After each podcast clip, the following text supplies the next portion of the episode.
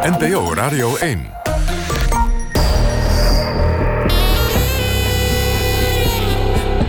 Argos. Onderzoeksjournalistiek van Human en de VPRO. Frank van der Linden. Een hele goede middag. Vandaag een gast in de studio die u als luisteraar, laten we zeggen, niet onbekend zal voorkomen. Waarde gesprekspartner, uh, wil je even deze alinea voorlezen? Nederland is kampioen afluisteren. Elk jaar tapt de Nederlandse politie 25.000 telefoons af. 24 uur per dag. Tenzij er een storing is. Argos over verdwenen taps, onvolledige onderzoeken en de goed bewaarde geheimen van een omstreden afluisterbedrijf. Ja, ja, ja, dat is de stem van Argos. Ruim 20 jaar werkte hij al bij dit programma. 10 jaar eindredacteur. En dat is volgende week allemaal voorbij. Dan wordt hij 66 en gaat met pensioen. Daarom te gast in deze laatste aflevering van de zomerserie Luizen in de Pels. Welkom, Kees van der Bos. Dag Frank. De reden dat jij hier bent is misschien ook uh, gelijk de reden dat ik hier zit. Uh, en niet een van de vaste Argos-presentatoren, Max van Wezel, Tessel Blok. De redactie wilde je door een uh, buitenstaander laten interviewen.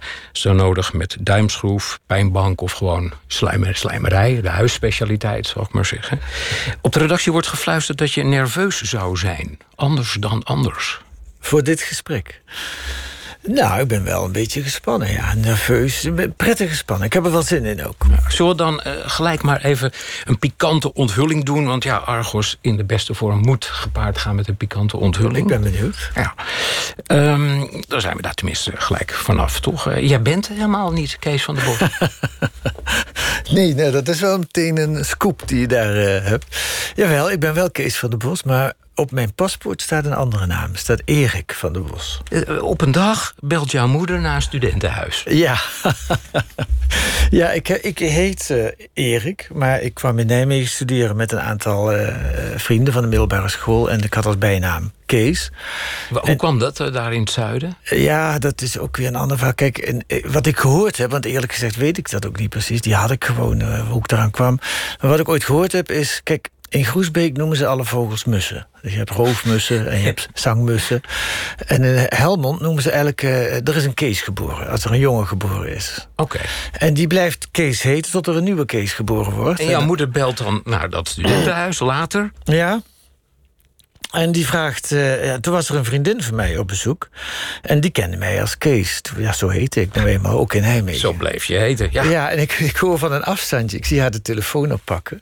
En zij, ik hoor haar zeggen, nee, die woont hier helemaal niet. Erik van der Bos, die ken ik helemaal niet.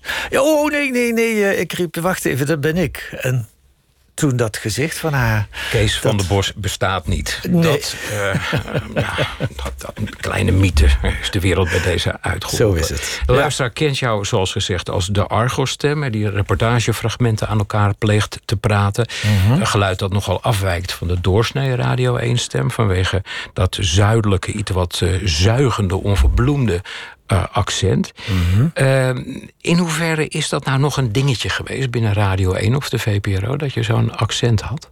Nauwelijks. Nauwelijks. Ik herinner me wel, er komen altijd mails binnen van, van fans en van uh, mensen die een hekel aan je hebben. En het, het was wel altijd, bijna altijd duidelijk, mensen die een hekel aan mij hebben... en die kan die stem niet weg, die, die kwamen, komen uit de Randstad meestal. En de rest van Nederland, zeg maar de regio, die vond de het altijd... redelijke mensen. Ja, die vond het altijd, oh, wat weet die man veel... en wat een rustgevende stem. Ja. We gaan het hebben over je journalistieke werk, vanzelfsprekend. Uh, je belangrijkste onthullingen, misstappen die zijn er ook geweest, ja. slot van rekening. En hoe het eigenlijk is om als Argos-journalist door het leven te gaan. Maar eerst even hypothetisch. Stel je voor, je bent een fan van dit programma. Ja. Dat komt voor in het leven. Ja. Wat zouden dan de belangrijkste twee, drie argumenten zijn... die je als fan aanvoert om dit programma te eren en te waarderen? Um, dat het te vertrouwen is. Als Argos het zegt, dan is het waar dat is een, een, een, adagium wat ik altijd hoog, uh, hoog in het vaandel heb staan. En dat is in deze tijd wordt dat ook steeds belangrijker. In de tijd van fake news? Ja. Uh, en dat het uh, iets nieuws vertelt. Iets vertelt wat je nog niet weet. Of nieuw licht werkt, werpt op een zaak die je misschien al wel... Ja. ja. Goed. Ja. En, en als je nou, weer hypothetisch... een scherp criticus bent van dit programma... wat zijn dan de beste argumenten om het af te breken? soms is het wat, heeft het de naam, laat ik het zo zeggen, wat saai. Niet alleen in de buitenwereld, want hier op de VPRO-redactie heeft jarenlang een bord gehangen waar Peter Flik, ja. roemrucht journalist, op noteerde. Ja, waarom is Argos altijd zo saai? Ja, doe nog eens een argument op basis waarvan je kan zeggen dat hele Argos weg ermee. Nou, nu maak je dat vind ik een moeilijke vraag. Nou ja, jij kan alles aan, Kees. um, nee. Nee, ik zou eigenlijk het, het, enige. En eerlijk gezegd vind ik dat argument van saaiheid niet kloppen hoor. Maar ik snap het, maar ik snap nee, het wel. de bedoeling was dat je je nu even zou verplaatsen. Wat heeft uh, de leiding van Radio 1 in het verleden er tegen gehad? Omdat Radio 1 uh, heeft gezegd met zoveel woorden... Nou, het kan wel wat minder met dat Argos. En daar zullen argumenten voor zijn geweest en die ken jij. Uh, nou, dat laatste uh, is niet helemaal waar. Want ik, dat was eigenlijk een hele rare actie van de, van de zendercoördinator. Die heeft dat gedaan zonder met ons van tevoren te spreken over het programma of wat er iets mis was. We kregen... Waarom deed Laurens Borst dat zo? Bij jou weten? Ja, ik, ik, ik, ik denk dat hij het ook een beetje uh, saai vond. En hij is niet zo van die zware journalistiek. Maar voor alle helderheid, dan had hij misschien niet ongelijk. Want als je eigen VPRO-collega dat op een bord hangt... en het blijft die jaren hangen, kan het niet helemaal nonsens zijn. Nou, op een gegeven moment is het ook een soort... Uh, uh, laat je dat met trots staan, hè? Want ze vinden ons site... Uh, maar toch even inhoudelijker nu. Um, nee, ik vond dat... Ik vond dat kijk, toen Laurens Borst aantrad als zendercoördinator... toen zei hij over de Radio 1... ik vind het te veel Volkskrant en NRC. Het moet iets meer Algemeen Dagblad worden. En dat geeft aan wat zijn voorkeur is... over de soort van nieuws. En Argos is, ja, ben ik bang, toch meer NRC en, en Volkskrant dan Algemeen Dagblad. Maar laten we hem credit geven. De, de toon van Argos is wat bijgesteld. Het Ja. is wat persoonlijker geworden. Ja. Wat individueel Daar ligt dan toch een compromis. Nou, daar ligt een, een. We hebben het toch, ondanks het feit dat we het er niet mee eens waren, hebben we het wel ter harte genomen. En het was al langer binnen de redactie een wens om eh, aan de vorm iets te doen. Kijk, wij zijn een echt journalistiek programma. En dat betekent dat we tot het laatste moment steeds bezig blijven met de journalistieke onthulling. En kan het nog beter of kan het nog zekerder? Jullie hebben elkaar gevonden. En, en, ja, nee, maar ik bedoel, ik wilde zeggen, dat gaat soms ten koste van de aandacht voor de vorm. Ja. En, en, en, en we hebben eh, de kritiek te harte genomen. En we Ik, zijn... ik heb nog een puntje. Oké. Eh, eh, wat zou nou jouw reactie zijn als iemand zou zeggen... 80% van de onderwerpen in Argos is eigenlijk saai. 80%, hè? Nu kletskoek. En jouw commentaarstem is eigenlijk insinuerend... te dramatisch getoonzet en tendentieus. Nou, dat laatste is een kwestie van smaak. Dat mag je vinden. Dit zijn opmerkingen die we hebben opgetekend... uit de mond van jouw echtgenote. Oh ja? ja, die, is, die vindt het vaak saai, dat klopt. Nou, maar ook tendentieus. Dramatisch getoonzet. Insinuerend. Een kenner, hè? Een Ja. kenner van Kees van der Bos. Ja, dat wel, maar misschien toch minder van Argos. Eh daar ben ik niet met eens. Zij luistert. Ja, ja. Dat doen echtgenotes. ja. Maar ga jij hier Nu nu, met droge ogen beweren... dat wat jouw gewaardeerde vrouw zegt, dat dat nonsens is? Eh, ja, tendentieus vind ik ons absoluut niet. Nou, we komen nog op haar terug. Ja, Er oké. is nog een appel te schillen. We gaan inzoomen op jouw werk als eh, onderzoeksjournalist. Veel programma's gemaakt over kernenergie... en ook jouw grootste onthulling had daar zijdelings mee te maken. We luisteren even naar een eh, NOS-journaal uit augustus 2005. NOS Journaal. Nederland liet atoomspion Kaan lopen op verzoek van Amerika. Goedemorgen. Nederland heeft de Pakistaanse atoomspion Kaan in de jaren 70 en 80 laten lopen op verzoek van de Amerikaanse CIA. Dat zegt toenmalig premier Ruud Lubbers vandaag in het radioprogramma Argos. Abdul Khan, de vader van de Pakistaanse atoombom, spioneerde in de jaren 70 bij de uraniumverwerkingsfabriek Urenco in Almelo. Daar vergaarde hij de kennis waarmee Pakistan later een atoombom kon bouwen. In 1975 rezen vermoedens over spionagepraktijken van Khan, maar hij werd niet vervolgd. Volgens Lubbers is dat destijds wel overwogen. volstaat het met alleen de toegang te ons zeggen? Of moeten we meer doen?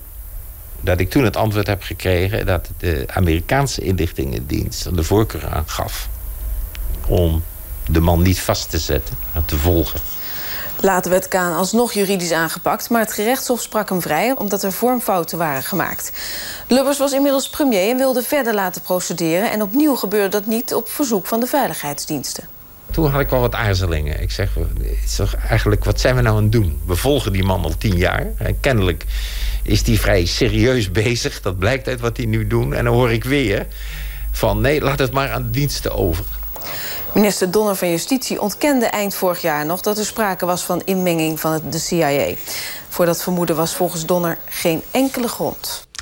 U luistert naar Argos en wij praten met Kees van der Bos. Hij is uh, afscheidnemend eindredacteur, gaat met pensioen. Uh, gewaardeerd door collega's uh, vanwege onder andere de makkelijke manier waarop hij zelfs van een journalistieke drol nog een gebakje weet te maken. Nou, dat was in dit geval helemaal niet nodig. Nee. Kees, het was een wereldwijde scoop. Ja. Hoe heb je dat voor elkaar gekregen? Nou, het, uh, het begon in oktober 2004. Toen werd uh, ergens op een oceaan het schip, pardon, het schip de BBC China onderschept en naar Italiaanse havens geleid. En daar bleek nucleair materiaal in te zitten voor de verrijking van uranium mm -hmm. op weg naar Libië. Nou, dat was wat. Hoe, hoe, hoe kan dat nou? En toen, uh, die credit moet ik mijn voorganger dan weer geven. Gerard, die zei... Gerard Legebeke. Gerard Legebeke. Die zei, Kees, als jij nou eens uit ging zoeken... die Kaan, die, die Abdul Kaan, dat was bekend. Die, die was uh, gevlucht naar Pakistan... nadat hij atoomgeheimen mee had genomen van Nederland. Uh, die zat daar ook achter bij dat schip... wat naar Libië onderweg Hoe was. Hoe kreeg jij dat hard? Nou nee, het begint ermee dus dat hij, hij zei... ga eens uitzoeken waarom is die Kaan eigenlijk nooit vervolgd in Nederland. Kijk, ja. bedrijfsspionage is niet niks. En hier gaat het over de islamitische atoombom. Dankzij spionage in Nederland. Ja. En die man is niet vervolgd. Ja. Hoe kan dat? Geef ons het recept voor de onthullingsjournalistiek, Kees van der Bos. Kom op. Ja, en dat recept is eigenlijk dat is helemaal geen hogere wiskunde. Dat is gewoon bellen, bellen, bellen. Ik ben toen gaan uitzoeken wat is er eigenlijk gebeurd met die Kaan. Uh, in 83... Uh, dus acht jaar nadat hij naar Pakistan gevlucht was, is hij wel vervolgd. Is hij voor de rechter gekomen. Maar toen is hij, is ook veroordeeld voor spionage. En toen is hij daarna in hoger beroep eh, vanwege een vormfout vrijgesproken. -hmm. Dus hij had al een discutabel verleden. Ja, ja, iedereen wist dat het een atoomspion... dat was inmiddels toen al wel algemeen bekend. Hij had ook al op televisie uh, in Pakistan zijn excuses aan moeten bieden. En voor wat dit. was dan jouw specifieke trouvaille... waardoor je die vinger erachter kreeg? Nou, wat er gebeurde toen ik al die mensen ging bellen... die in de jaren 70 en 80 met Kaan, de zaak Kaan te maken hadden gehad... Um, toen trof ik één iemand op een gegeven moment... die bereid was om mij de rapporten te geven die de Nederlandse regering had laten maken al in 1975. Jij zegt het met geloken ogen. Dat is het moment hè, waarop je weet als journalist... yes, ja. yes, yes, het is niet gewoon een doelpunt, het is een hattrick. Het ja. is een gekwadrateerde hattrick. Ja. Maar dan moet er een politicus zijn die jou dat gaat vertellen. Die politicus heet in dit geval Lubbers. Niet een hele kleine meneer. Nee. Waarom vertelde Lubbers, ja, Kees van der Bos, zo zit het? Nou, eerst vertelde hij het niet. Dus ik belde Lubbers op om dat te vragen. En hij zei, nee, daar heb ik geen zin in. Ik ga daar geen interview over geven. Dus ik heb het programma gemaakt zonder Lubbers. In de eerste uitzending zat wel van... waarom hebben ze me 1975 laten lopen... en waarom hebben ze me 1983 laten lopen. Maar waarom precies, wist ik niet. Uh, die documenten die ik boven tafel had gehaald... die baden nogal wat opzien. Er kwamen buitenlandse journalisten kwamen naar de VPRO... om die documenten in te mogen zien... Waaronder twee Japanners van, van uh, de uh, lokale Hiroshima-omroep, of ik weet het niet meer precies, zoiets. En die maakte een uitzending 60 jaar na de bom, 2005. Uh, maakte ze een, een, een, documentaire over Abdul Khan. Want dat, dat was een originele invalshoek om naar de bom Dus te er kwam kijken. een internationale dimensie bij. Maar, Ja. maar dan nog, waarom ver, ja, verwaardigt Lubbers zich om voor jouw microfoon te zeggen: zo zit het? Nou, dat had hij dus nog steeds geweigerd. Maar toen zei ik tegen die twee Japanners die die documentaire maakten... weet je, je moet gaan interviewen, wie hier veel over af weet. Lubbers. en dat hebben ze gedaan. Ja. Ja. En het grappige is, dat hebben wij ook al vaker gemerkt... Ja. als buitenlandse journalisten naar je komen... dan ben je wat loslippiger. Ja. Ach, dat is daar helemaal in Japan. En. Dus, hij, dus ik, herinner me nog het moment dat die twee Japanners terugkwamen bij de VPRO... en we zaten in de kantine en verdomd... Hij had het gezegd. Ja. Hij had gewoon tegen die Japanners in het Engels gezegd... dat daar En CIA dan kun je het breekijzer gebruiken. Nou, en er was iets gebeurd ik, in die tussentijd. Maar dit is een speculatie, dat weet ik niet zeker. Dat heeft hij nooit tegen mij gezegd. Maar wat er gebeurd is daarvoor... is dat Lubbers bij de Verenigde Naties... zijn hoge positie had verloren... omdat hij wat... eh, Hij zou aan een dame gezeten hebben. een Amerikaanse dame. En daar was hij heel erg boos over. Op die Amerikanen. Ja, Meneer wilde wraak. ik denk het wel. Ah, Ik en denk zo- het wel. Maar dat, dat is een speculatie. Ik weet niet wat ik weet, is dat hij tegen die eh, Japanners had verteld. En toen belde ik hem weer op. Ik zei, meneer Lubbers, u hebt het nou in het Engels gezegd. Dat is, is een beetje slordig voor ons om het in het Engels uit te. Dat kan ik wel doen, maar ik doe het liever in het Nederlands. maar zo werkt het in de keuken. Er was een politiek belang, persoonlijk politiek belang voor Ja. Lubbers om dat te onthullen. Nou, Ja. nou is dit verhaal eh, natuurlijk mede voortgekomen uit jouw persoonlijke interesse voor kernwapens. Ik zou eigenlijk moeten zeggen afkeer van Ja, kernwapens. Ik zit tegenover een klassieke oud-actievoerder. zeker. Eh, Je bent opgegroeid in dat Brabantse Helmond. Echt volwassen geworden als student in Nijmegen. Ook wel bekend als Havana aan de Waal. Je bent goed geïnformeerd. Hoe Ja. links was jij nou in die tijd? Nou, als student en daarna als, als actievoerder ook nog in de jaren tachtig. eh, erg links. Noem eens een actie waarvan je zegt... zover gingen we, pluralis majestatis. Nou ja, dat, dat, dat zijn geen geheime acties of zo. Je had de blokkade van de kerncentrale in Dodewaard. Was dat jouw meest verregaande actie? Eh, ja, wat is het meest vergaande? Misschien is mijn meest vergaande actie een anti-atoomdorp... wat ik georganiseerd heb op, de, op het land van Boer-Maas... tegenover de snelle kweekreactor in Kalka. Zo'n 15 kilometer van, van eh, eh, Nijmegen. Nou is het wonderlijke dat, dat jouw vriend Han van de Wiel Ja. zegt... ja, die Kees, ja, het is een sympathieke man hoor. Heus wel. Heus, die Kees is best een sympathieke kerel. Ai, ai, Maar is natuurlijk eigenlijk gewoon een heel braaf jongetje uit Brabant. Ja, Hoe ben je zo actiebereid geworden dan? ja.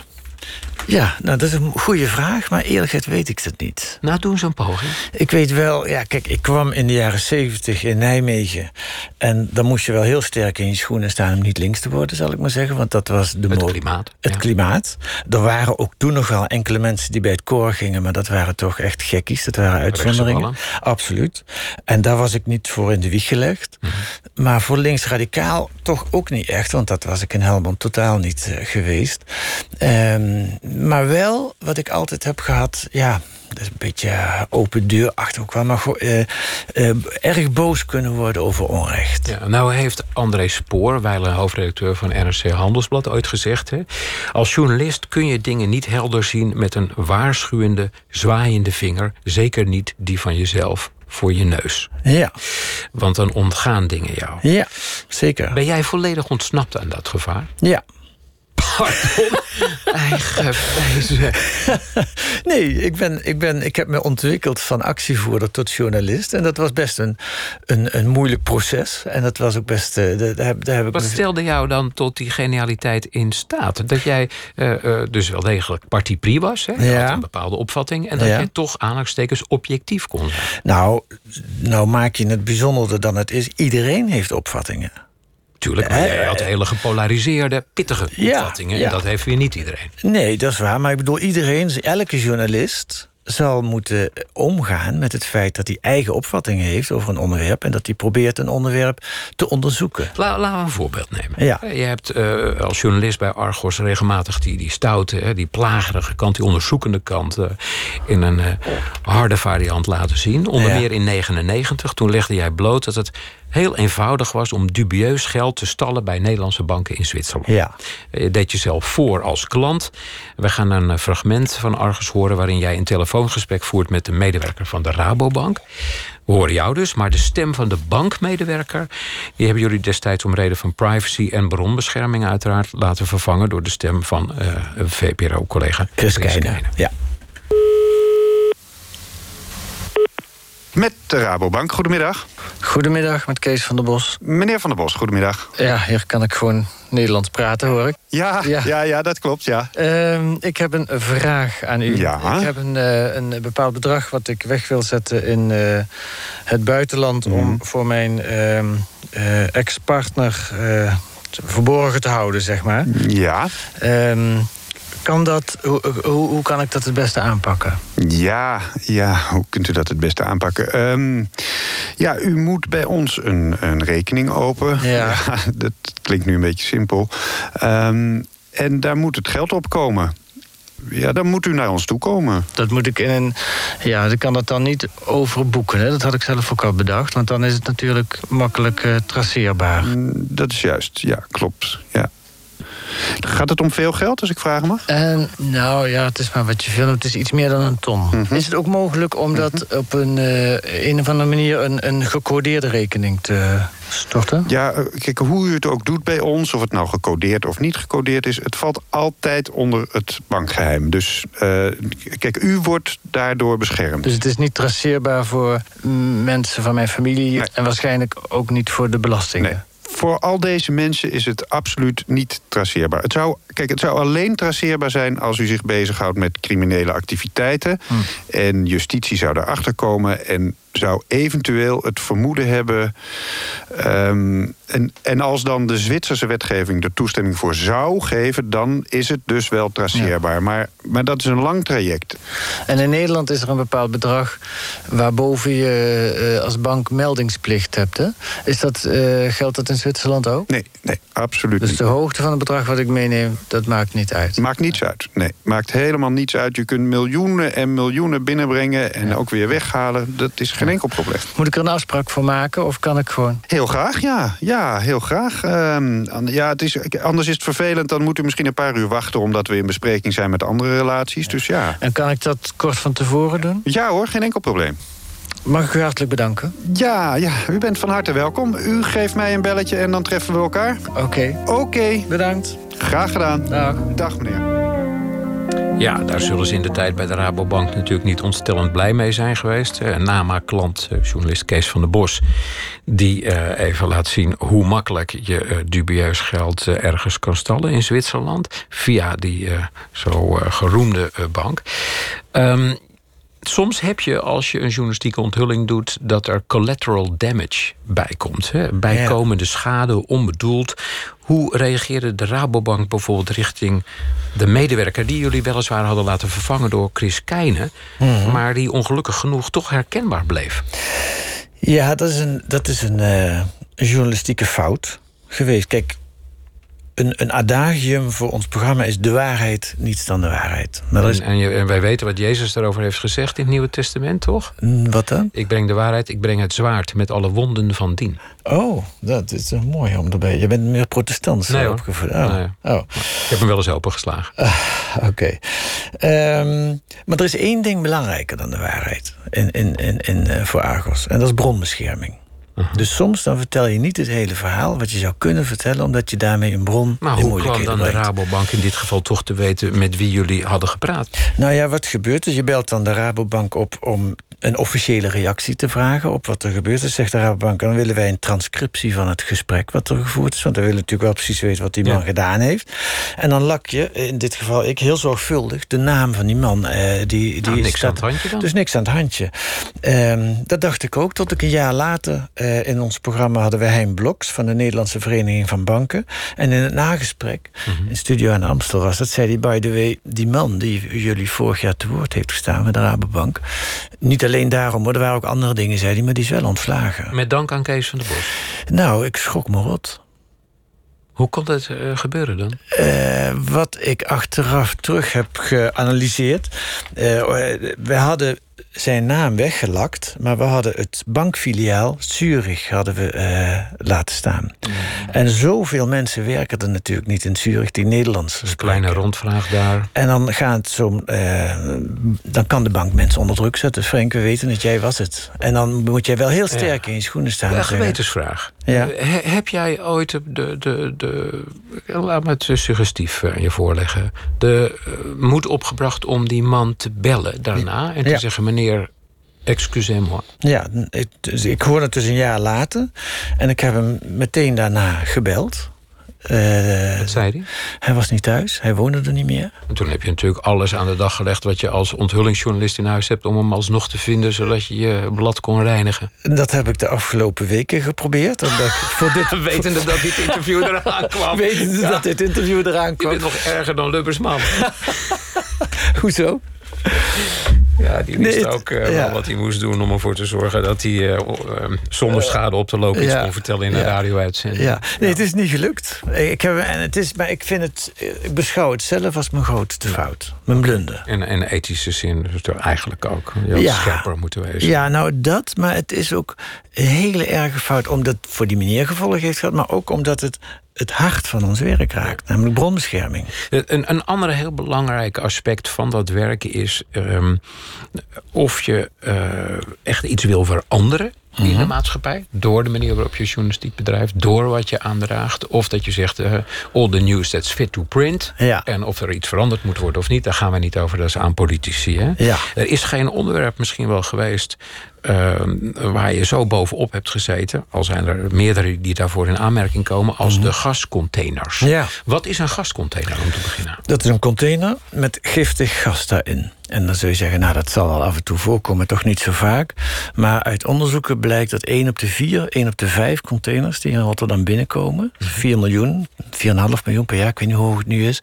En daar is dus ongeveer een miljoen containers daarvan zit gif in. En wat wil jij daarmee doen of daartegen doen? Ehm, nou, dat wil ik aan de kaak stellen. Om te kijken, want dat heeft gevolgen voor de mensen die de container openmaken. Bij, bij blokken of bij, uh, al die winkels waar die containers aankomen. Maar het heeft misschien ook gevolgen voor jou en mij die die spulletjes kopen. En wat onthulde je in essentie? Uh, nou, ik heb daar uh, meerdere onthullingen in gehad. Er zijn wel tien uitzendingen over geweest. Dat is een beetje, laten we zeggen, de Joraan Joraan was, uh, waar Peter R. de Vries zich op stortte... de Joraan van Kees van der Bos geweest dit. Nee, nee, nee. Ik heb nog veel meer uitzendingen over... Je armen over elkaar. Je, gaat, je gaat in de verdediging, zie ik. Is dat nou, zo? Probeer maar, probeer maar. Ja. Ik heb nog veel meer uitzendingen over kernenergie gemaakt. Nog meer, ja. dus de, En er zijn er wel veertig of zo. Dus dat is echt veel meer. Maar, Kees, maar dit is wel een, een... Maar je hebt niks veranderd daardoor? Nee. Nou ja, om te beginnen, wat je net zei all the news that's fit to print. Dat is ook mijn uitgangspunt. Ik ben er niet om de wereld te veranderen. Maar uh, toch uh, laden je wel een beetje de verdenking op je... ook bij de journalistieke collega's... dat jij zo gebrand was op die gascontainers... dat jij ze persoonlijk de haven van Rotterdam uit had willen tillen. Nou, dat is wat... Tien uitzendingen, Kees. Ja, maar allemaal de moeite waard. ja. Nee, ik zal het je zeggen. twee van die... schept op. Ja, ja. nee, twee van die uitzendingen waren zo groot nieuws... dat ze echt de hele dag het nieuws beheersten. zijn ook in Japan opgepikt. dat weet ik nou, niet. dat dan die keer dat net dan weer niet. Maar we hebben wel het NOS-journaal gehaald. En, die hebben we, en sommige herinner jij je vast ook nog. Want dat was mm. bijvoorbeeld... Ik ga nu een, een gewaagde mm. spel spelen. De matrassen van Beter Bed. Ik ben het even kwijt. ik uh, schakel over naar een ander onderwerp. Nee, maar, dat wil ik maar, maar even... je hebt je punt gemaakt. Ja. Twee keer het NOS-journaal, maatschappelijk relevant. Ja. Uh, en dat er door anderen moet worden besloten... over wat er met die gascontainers wordt, uh, wordt gedaan. Dat is evident. Is een... Maar ze hebben niks besloten, toch? Ja, nee, sterker nog, wat ze besloten hebben... het is eigenlijk een case study voor de, voor de opleiding journalistiek, vind ik. Study, ja, in, meerdere betekenissen. Het is namelijk een voorbeeld van journalistiek met impact. Aha. Er is een hoorzitting in de Tweede Kamer geweest... er is een motie aangenomen, het NOS-journaal... Nou, het is verergerd. Als er, er was dus het nieuws op een gegeven moment... dat er een container met 720... Met andere woorden, je hebt het opgegeven. Nee, nee. Je had 15 uitzendingen moeten maken. nee, het is, het is dat, soms is het effect van je uitzendingen. Dat is de situatie. Waarom is het verslechterd? Niet omdat het probleem niet bestaat, maar omdat ze de, uh, de politiek niet wil dat de, de, de, Rotterdamse haven het leven zuur wordt gemaakt door al die containers te moeten controleren. Als we vandaag zo'n container met giftige matrassen binnenkomt, zoals in 2009, mhm. voor Beter Bed, die toen eh, vastgehouden werd. Vandaag de dag is de situatie zo veranderd door de politiek dat hij gewoon rechtstreeks naar Beter Bed zou gaan. Ja, soms uh, bedrijf je uh, vergeefs uh, journalistiek, zou ik zeggen. Jij bent ehm, terecht kritisch als journalist jegens machthebbers. Ik nodig je uit om diezelfde kritische zin nu even los te laten op, op jou. Ja. Kun je dat? Ik hoop het. Ja. Jij hebt bedrijfspsychologie gestudeerd. Een studie die jij buitengewoon grondig moet hebben gedaan. want je deed er 14 jaar over. Ja. Van 70 tot en met 84. Ja. Uh, en als het klopt, heb jij de laatste paar jaar uh, die studie gedaan met een uitkering erbij. Hoe ja. krijgt de mens dat voor elkaar? Ja, nou, dat is een ingewikkeld verhaal. Maar het komt erop neer dat ik eigenlijk eind jaren zeventig klaar was met die studie. Alleen uh, de professor dacht daar anders over. Dus die vond mijn scriptie niet voldoende. En toen heb ik een hele bureaucratische... ben ik in beroep gegaan tegen de beoordeling van mijn scriptie. Dat was nog nooit gebeurd, maar dat bleek wel te bestaan. En dan kwam de beroepscommissie. Uh, om een lang, kort verhaal lang... Nee, om een lang verhaal kort te maken. ja. Wat er gebeurd is dat er een, een, een, een Groningse wetenschapper was, die vond dat ik het wel goed gedaan had. En die zei, we gaan zorgen dat jij wel deze scriptie kunt Dus ik afstuderen. weet er een paar jaar bij. En dat, nee, dat hele proces om zover te komen heeft een aantal jaren geduurd. En in die jaren was ik niet ingeschreven aan de universiteit... maar was ik gewoon een werkloze, gesjeesde psychologiestudent. Nou, nou, nou eh, En dat wisten ze niet, anders hadden ze misschien die hele commissie niet in hoeven te stellen. Nee. Nou zegt jouw eh, actiemaat van in de tijd, de eerder geciteerde Hans van der Wiel. Han, Han van der eh, Wiel. Han, excuus, Ja. van der Wiel.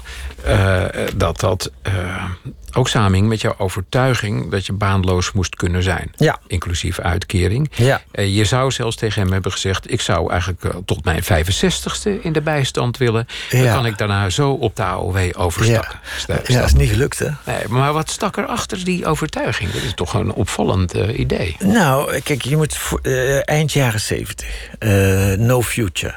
Enorme werkloosheid. Ja, doem, doem, doem. Doem, doem, doem. Het was heel erg moeilijk, ook als je afgestudeerd was, om überhaupt aan een baan te komen. Eh, op een gegeven moment, dat heeft wel wat, wat paar maanden gekost, heb ik van de nood een deugd gemaakt. Toen dacht ik, weet je wat, ik hoef helemaal geen baan. Ik verzin mijn eigen werk wel. Ik ben gaan werken in een kringloopwinkel, heb ik vijf jaar gewerkt. En daarna heb ik met Han van de Wiel een onderzoeksbureau van baanlozen opgericht. Nou, we hebben van alles gedaan wat we zelf enorm belangrijk en zinnig vonden. En we beschouwden onze uitkering als een basisinkomen. Dus ik, en dat heette in die tijd bewust baanloos. Eh, je deed eh, ook aan proletarisch winkelen. Correct me if I'm wrong, toch? Hè? Dus een boekwinkel in en dan zeggen dat boek is nu voor mij. Eh boek over mannen, bijvoorbeeld. Ja, dat is een keer geweest. Ja, en ja, tegenwoordig noemen we dat gewoon diefstal ja, eigenlijk. ja. Ehm, welke kritische vragen zou jij nou op een Kees van der Bos loslaten? eh, huidige Kees van der Bos zijnde. Je zit tegenover die jongen van toen. Ja. Wat zou je hem vragen? Nou, ik vond hem wel erg naïef. Dus En- je zou vragen, was je niet erg naïef? Ja, wat wil je daar nou mee bereiken? Kijk, proletarisch winkelen werd in die tijd gezien als een vorm van actievoeren.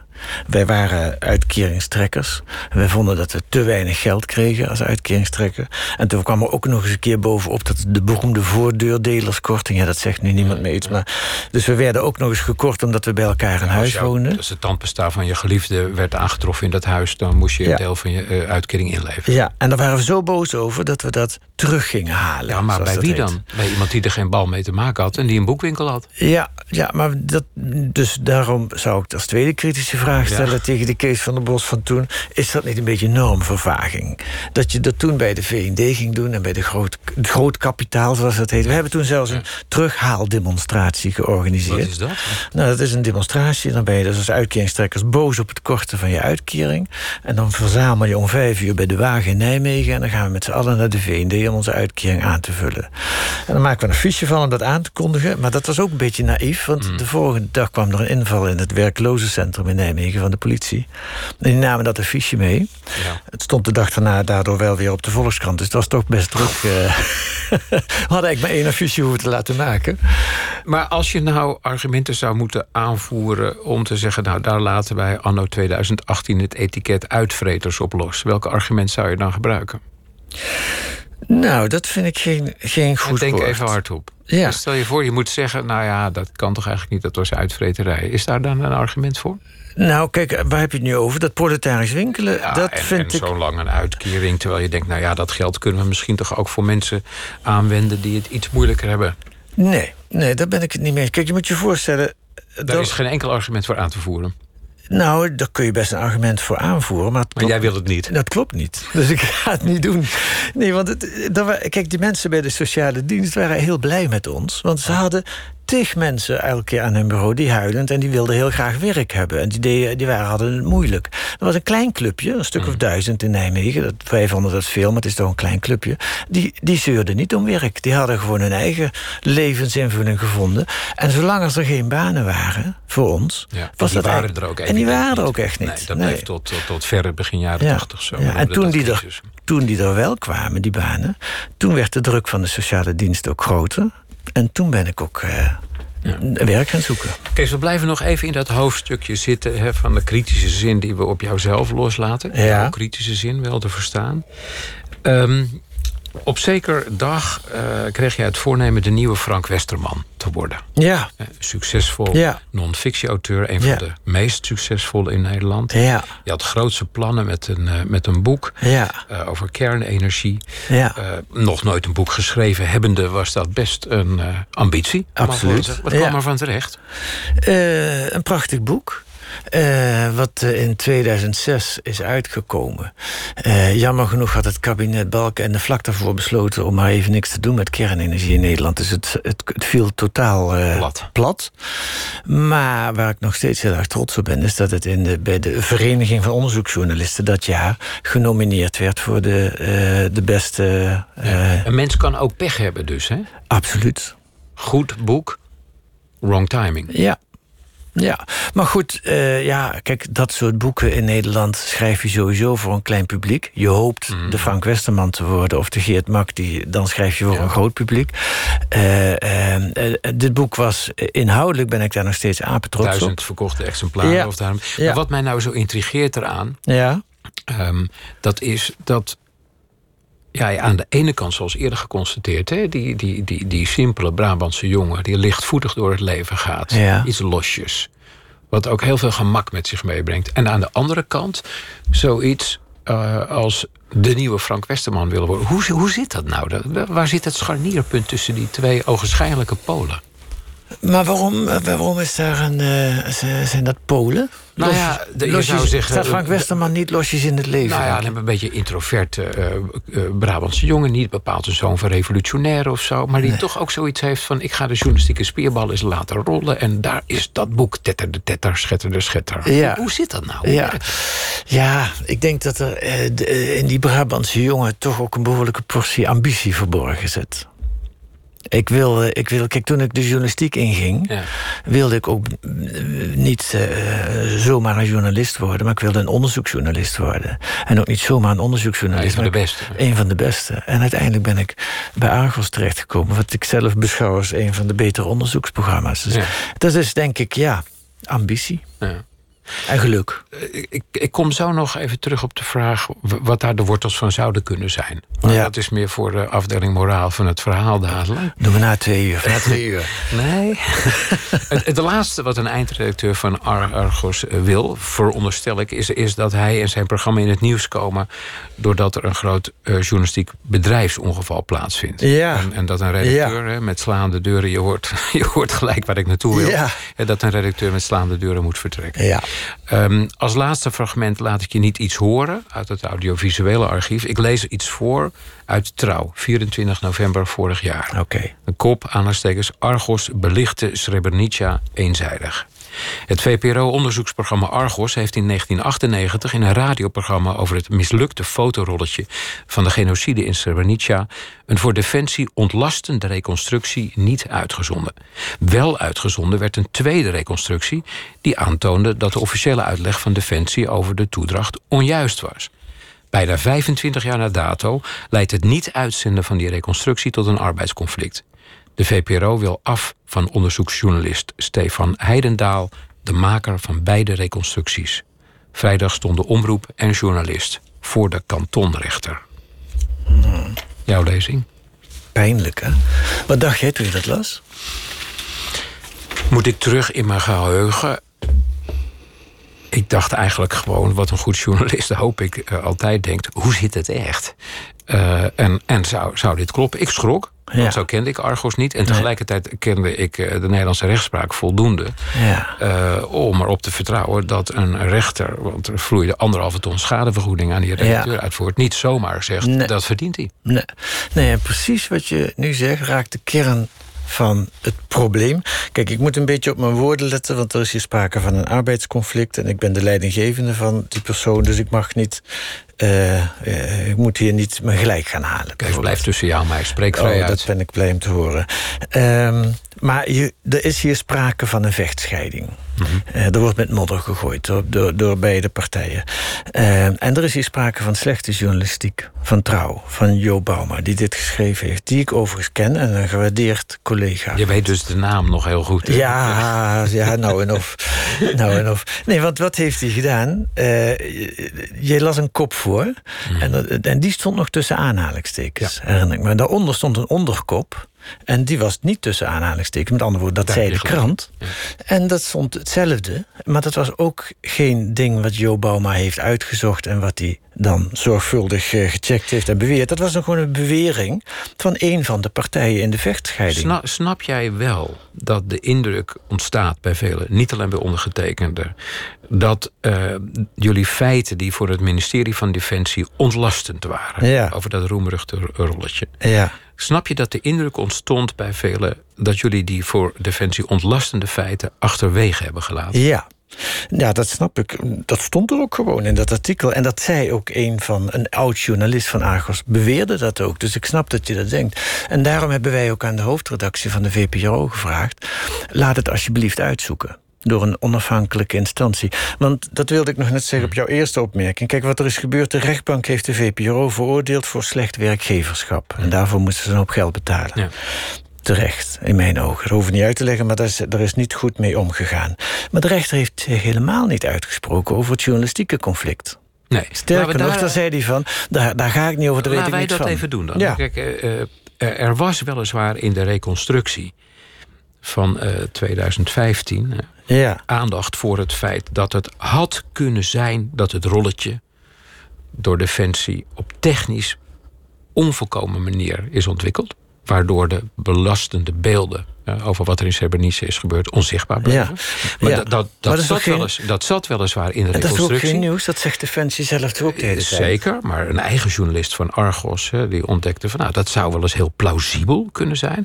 Nee, daar discussie- ga je al te ver. Die denkt dat hij ontdekte dat het heel plausibel zou kunnen zijn. Maar goed, die, die Argos-medewerker is niet zomaar iemand. Die is Argos-medewerker omdat hij een goede journalist is. Ja.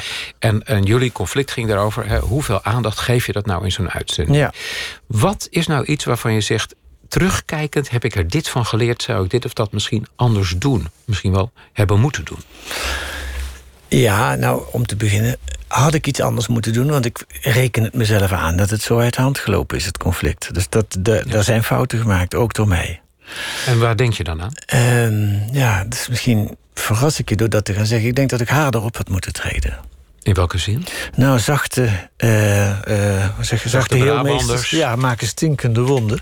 Er was hier sprake van een journalist die vond dat zijn item in, het, in de uitzending moest. Dat vond hij in 1998 ook al. Toen was nog Gerard Legebeke eindredacteur. Eerste reconstructie. En die heeft gezegd, weg ermee. Daar En doen- in 2015 bij de tweede reconstructie vond hij dat ook. Nee, toen was ik de eindredacteur. Ja, sorry, maar de journalist maar, maar hij kwam weer... Maar, en, en kijk, het komt in de journalistiek dagelijks voor... dat mensen, redacteuren, onderwerpen... en dan zegt soms een eindredacteur...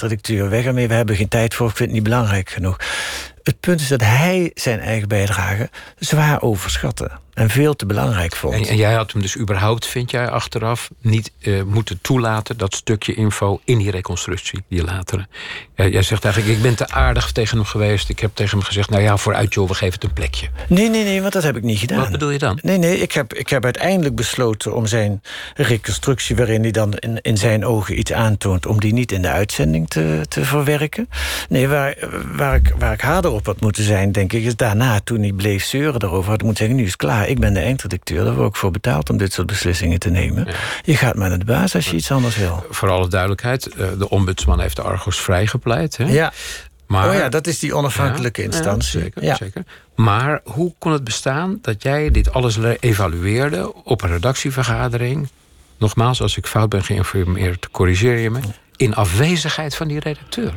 Omdat hij niet kwam opdagen. Maar kun je dat doen? Dat je zegt, we gaan er eens even lekker voor zitten met elkaar. Zonder misschien wel de belangrijkste betrokkenen erbij. Ja, ja... Jij Als je bent het- de baas. Ja, als je het zo zegt. Nou, achteraf vind ik dat er trouwens ook een fout. Ik vind dat ik toen had moeten zeggen... deze evaluatie stellen we uit totdat Stefan kan. Ja, deze hoor, wederhoor lijkt Ja. mij gebod 1 in de journalistiek... en dat overtreed je dan op Nee, nee, nee, nee, dat is er zorgvuldig vooraf. De, de ombudsman heeft gezegd... er is waarschijnlijk geen onderwerp in de journalistiek... wat zo uitgebreid Nee, vooraf besproken is. Ik- in alleen een redactievergadering bedoel Ja, ja, maar ook Dan moet je vooraf- toch beide partijen kunnen horen? Ja, ja, ja, nee, maar ik bedoel, ook vooraf is het door een kleine redactie... dus door mij en door eh, de expert op het gebied van Srebrenica, Huub Jaspers... eh, en door nog een andere redacteur. Het is niet, helemaal niet besproken in de redactie. Alleen wat wij altijd doen, op dinsdagochtend na de uitzending... dan, dan kijken we, evalueren we de uitzending van afgelopen zaterdag. En dat hebben we na die uitzending ook gedaan. En dat is gewoon een evaluatie. Maar waarom zeg je dan toch, ik vind dat ik dat anders had moeten doen? Omdat ik merkte in de loop van het conflict daarna dat ik alleen kwam te staan. En dat ik te weinig andere, mijn collega's heb meegenomen in het hele proces. En het vervelende is, als je. Ik kon als leidinggevende niet daarover praten met de redactie. Dat mag je niet, hè, als als leiding. Dus, en Stefan kon dat wel. De Dus- redacteur in kwestie. ja, dus er werd om mij heen en achter mijn rug. Ik, ik Ja. maakte het mee dat ik in de kantine soms kwam... en dat dan de gesprekken stilvielen. Nou, Ja, dat is niet leuk. eh, had dat als journalistiek leidinggevende anders eh, moeten inrichten. Maar, maar, maar belangrijk is toch wel, wil ik nog wel één keer vaststellen... dat er door een onafhankelijke instantie is vastgesteld... dat er journalistiek Mhm. niks mis was. Die ombudsman. Ja. Ehm, is er eigenlijk in al die Argos-jaren een moment geweest dat jij echt diep ontroerd was? We bedrijven journalistiek, hè, maar we zijn mensen van vlees en bloed. We hebben, oh wonder, ook gevoelens. Ja. Wanneer was jij echt aangedaan in dit vak? Nou, nog niet zo lang geleden. Heel gek. Toen ik Joop van de Ende in Jinek zichzelf zag beklagen over een uitzending van mij. Terwijl ik daar, journalistiek gezien, vond ik daar weer van alles mis mee. Want ik, ik weet niet of je die uitzending kent, maar sowieso moet ik voor de luisteraar even, even zeggen: we hadden een uitzending gemaakt samen met de Groene Amsterdammer over Joop van de Ende. De, de rijke zakenman, maar ook de weldoener die het Joop van de Ende Foundation heeft. En wij hadden onthuld, onderzocht, dat hij veel van dat geld dat hij weggeeft in de Joop van de Ende Foundation terechtkomt bij bedrijven gelieerd aan de familie van Joop van den Ende. Met andere woorden, de- die liefdadigheid kon je wat vragen. Vestzak, broekzak, overdreven gezegd. Daar zat wat in. Voor de Belastingdienst had daar ook vragen bij gesteld. Dat hebben we toen onthuld. Eh, want dat, je mag als weldoener, als je zo'n fonds hebt... mag je eigenlijk niet de baas zijn in dat fonds. Dan moet En je wat ontroerde je nou toen je eh, eh, van de ende bij je nek zag zitten? Nou, dat hij, ik, ik, kijk, aan de ene kant denk ik dat hij toneel speelde... maar tegelijkertijd aan de andere kant zag ik dat hij echt gekwetst was. Ja. En, en, en, en ondanks het feit dat ik vond dat ik gelijk had... Mhm. vond ik dat niet leuk om te zien. Nee, dat snap ik. Wat heb jij nou in de kern geleerd over Kees van der Bos in al die jaren? Die Kees van der Bos die hè, ooit activist was, Ja, uit Brabant kwam... eh, en die nu eh, gerijpt en gelouterd eh, hier zit op deze zaterdagmiddag. Wat snap je nu in, in het hart van die Kees van der Bos? jeetje. Wat snap je in het hart van What makes him tick? Ehm, ja, onderzoeken, dus uitpluizen. Mooie verhalen vertellen. Eh, en en ehm, impact hebben. En, en, en De- een die zegt, ehm, de een die zegt het, het is bij mij allemaal zo gekomen doordat ik in het verzet zat in de Tweede Wereldoorlog. En de Ja. ander zegt, komt door de dood van mijn broertje. Ja. Wat denk je, dat je, denk je dat je vrouw zegt over Kees van der Bos? Waardoor het komt Mhm. dat ik doe wat ik doe. En dat je doet op de manier waarop je het doet. Goh, zeg jij het eens? Humor, jezelf klein maken als overlevingsstrategie. Nou, ik, heb ik doe dat allebei wel. En of het een overlevingsstrategie is, ja, misschien wel. Als je jezelf klein maakt, Ja, dan voorkom je dat anderen je pakken. Want je pakt jezelf al een beetje. Ja, maar ik maak mezelf niet klein omdat ik mezelf als strategie, maar ik vind dat ik klein ben. Zeg dan eens tegen Monique hoe het echt zit. Monique, luister nou eens goed. Monique, luister nou eens goed. Ehm, ik, ik hou van mooie verhalen vertellen, maar. En, en, en dat doe ik bij een best belangrijk journalistiek programma. maar zo belangrijk is het ook weer allemaal niet. Ja, dus daar zit echt een, een oprechte relativering in. Ja. There's more to life. Ja, Ja. ja. Was de, de verhouding werk-liefde eh, in balans? Meestal wel. Eh, ik zie nu weer geloken ogen, Kees. Ja. Nee, toen ik eindredacteur was, dat, dat eh, eh, is niet goed voor een relatie, eindredacteur van Argos zijn. Dat Je sliep hier af en toe zelfs Ja. met een kamertje Ja. in Hilversum. Ja, nou dat was nog wel overkomelijk. Maar wat er gebeurt is dat Argos wordt dan zo centraal in je leven. Mm. Dat, dat eh, thuis en dat Monique wel eens dacht van... hou toch eens op met dat Argos. Doe, het is, altijd kon de telefoon gaan. Altijd kon er iets gebeuren. Altijd ging het over Argos.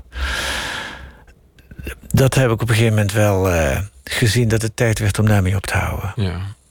Uh, ja, daar heb je dan maar tot je 66ste over gedaan. Nou, nee, ik ben, al, ik ben al, nee, want ik ben pas bij, op mijn, op mijn 55ste of 56ste eindredacteur geworden. Ja. En ik ben er al een jaar geleden. Uh, gaan minder. Gaan minder. Geen eindredacteur meer. Wat ga je doen in Portugal? Wandelen. En het is ook een beetje sentimental journey. Dus mag ik aannemen dat dat dan met Monique gebeurt? Dat mag je aannemen, maar het is niet zo. Nou ja, maar wacht even. Wordt net een hele bekentenis. En dan gaat meneer na als een eenzame Argosjaren ook nog uh, alleen wandelen in Portugal. Waarom mag ze niet mee? Nou, kijk, die eenzame Argosjaren, dat hebben we verwerkt en overleefd. Dus dat is geen thema meer. Nee. We, zijn weer, uh, we houden weer ontzettend veel van elkaar, kan ik je zeggen. Was en, er therapie voor nodig? Ja, er is ook op een gegeven moment ja, therapie voor nodig geweest. Ja, ja, ja, dat kan ik iedereen aanraden. Het is heel, uh, was, was heel aangenaam om te doen. Ja. Um, nee, ja, maar ik moet nog werken. Tot uh, wanneer moet zij dat nog? Nou, waarschijnlijk nog een jaar of twee, ja. drie. Ja. Maar ze mag wel een paar weken overkomen om naar Portugal mee te gaan. Ja, maar dat doet ze niet. Ze gaat naar Kreta. Ja, ontzettend gezellig. Ja, ja, maar mijn zoon komt wel een weekje meelopen. Mooi. Mooi. Ik ga richting een aankondiging, een afkondiging zou ik moeten zeggen. Jij moet nog even nadenken over een laatste woord voor de wereld. Um, ik meld uh, dank aan uh, Erik Arends, die deze uh, uitzending inhoudelijk voortreffelijk uh, voorbereiden. Uh, ik wens jou heel veel succes in de toekomst, Kees. Ook in die hopelijk wat rustige jaren. En de eminence zwaait niet zomaar af. Uh, tot zover deze zomerserie Luizen in de Pels. En vanaf volgende week is Argos er weer met zijn reguliere uitzendingen. Vol met nieuws en met achtergronden. Na drie uur Radar Radio. Straks de laatste editie van het vakantieloket van dit jaar. Je hoort wat je moet doen als je een verkeersboete uit het buitenland krijgt. Moet je die daadwerkelijk betalen? Nog een laatste stichtende opmerking, Kees? Nou, het is een fantastisch mooi vak, onderzoeksjournalist. Ik hoop dat dat ook een beetje eruit gekomen is uit ja, ons gesprek. Ik hoor de passie. Ja. Ik hoor de passie. Ja. Ik dank je hartelijk. Ik jou ook. Ga je goed.